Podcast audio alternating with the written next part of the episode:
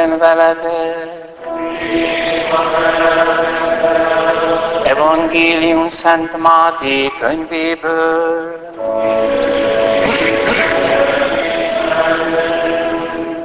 Jézus a hegyi beszédben ezt mondott a tanítványainak. Amikor imádkoztok, ne szaporítsátok a szót, mint a pogányok, akik azt hiszik ugyanis, hogy akkor nyelnek meghallgatásra, sokat beszélnek. Ne utánozzátok őket, hiszen menje atyátok tudja, mire van szükségtek, még mielőtt kérnétek őt. Ti tehát így imádkozzatok, mi atyánk, aki a mennyekben vagy, szenteltessék meg a te neved, jöjjön el a te országod, legyen meg a te akaratod, amint a mennyben, úgy a földön is. Minden napi kenyerünket add meg nekünk ma, és bocsáss meg védkeinket, miképpen mi is megbocsátunk az ellenünk védkezőknek, és ne vigy minket kísértésbe, de szabadíts meg a gonosztól. Mert ha ti megbocsátjátok az embereknek, hogy ellenetek vétettek, mennyei atyátok nektek is megbocsátja bűneiteket. De ha ti nem bocsátotok meg az embereknek, atyátok sem bocsátja meg nektek bűneiteket. Ez az evangélium igény.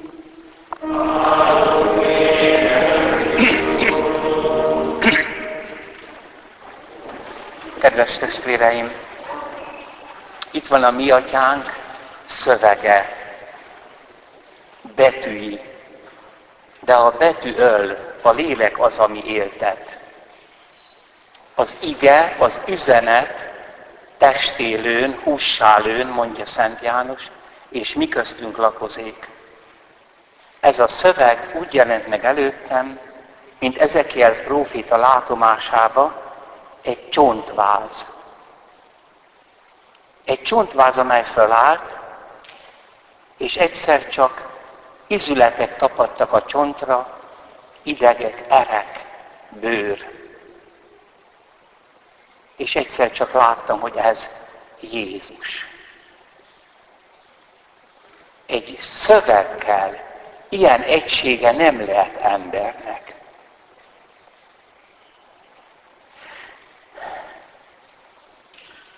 Miért mondom mindezt? Mert Jézus kibeszéli önmagát. Atyám, szenteltessék meg a te neved, jöjjön el a te országod, legyen meg a te akaratod. Ez a három kérés egy. Szenteltessék meg a te neved, ki szenteli meg? Hát szoktunk arról beszélni, hogy mi. Nem. Ez a passzívum, ez teológikum, Éppen Ezekiel könyvének 37. fejezetében azt mondja a próféta, így imádkozik, Isten, szented meg a te saját nevedet azzal, hogy Izrael összegyűjtöd a diaszpórából, hiszen ez a te akaratod. És itt szerepel az, hogy országod. Jézusnak semmi más mondani valója nincs, mint hogy benne eljött az Isten uralma, rossz fordítás, uralkodása, mondja 16. Benedek, ez egy folyamat, országlása. Egyedül a názáretiben lehet, az egész kozmoszban és az egész történelemben egyedül Jézusban lehet minden pillanatban az Atya valóban Atya, az ő uralkodása megjelent az Isten uralma Jézusban a vele való kapcsolat. 30 évig ebben él, de amikor keresztelő János bűnbánati mozgalmára megy, akkor indíthatja az atya fiam. Nyisd meg nekik ezt a mi kapcsolatunkat. Ha hisznek benned, beléphetnek. Mert az emberiségnek ez a jövője, nincs más. Ez az ország. Tehát hiába várták tőle, mint csodatevőtől, hogy tisztítsa meg az ideiglenesen ott állomásról szovjet vagy római katonától Izraelt, meg mindenféle elképzelés. Nem. Isten uralkodása az maga Jézus. Egy ember, akiben Isten egészen Isten lehet, Az ő Isten kapcsolata az Isten országa. És azért jött, hogy Isten fiait összegyűjtse.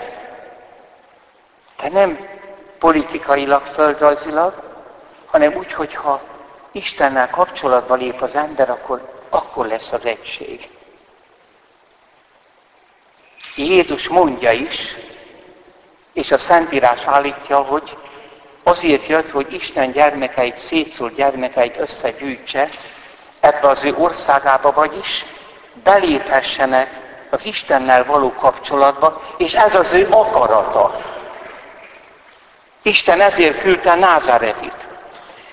De ebben a három kérdésben ott van a szenvedés történet is, hiszen az utolsó vacsorán azt mondja, atyám, szenteld meg a te nevedet.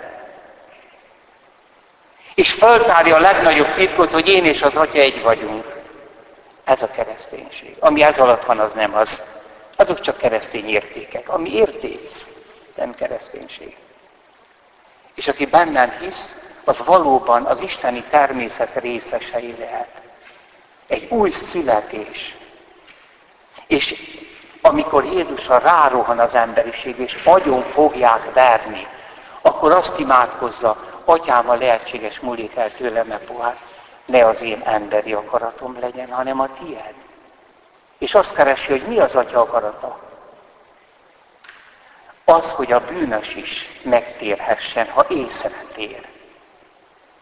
Tehát itt magára veszi a bűneinket, és áttöri azt a válaszfalat, amit Isten és ember közé a bűnös emberiség épített, atyám, bocsáss meg neki. De már ezt megteszi az utolsó vacsorán. Értetek fogom kiontani, kiontatik a vérem, hogy beléphessetek ebbe a kapcsolatba a bűnbánat és a hit által. Egyébként ez egy csodálatos dolog. Jézus a saját emberi történetem mögé nyúl. Mi is megtehetjük ránk zúdulnak elfogadhatatlan események. Rettenetes halál vár Jézusra. És Jézus nem meghalni akar, mert nem beteg pszichéjű ember.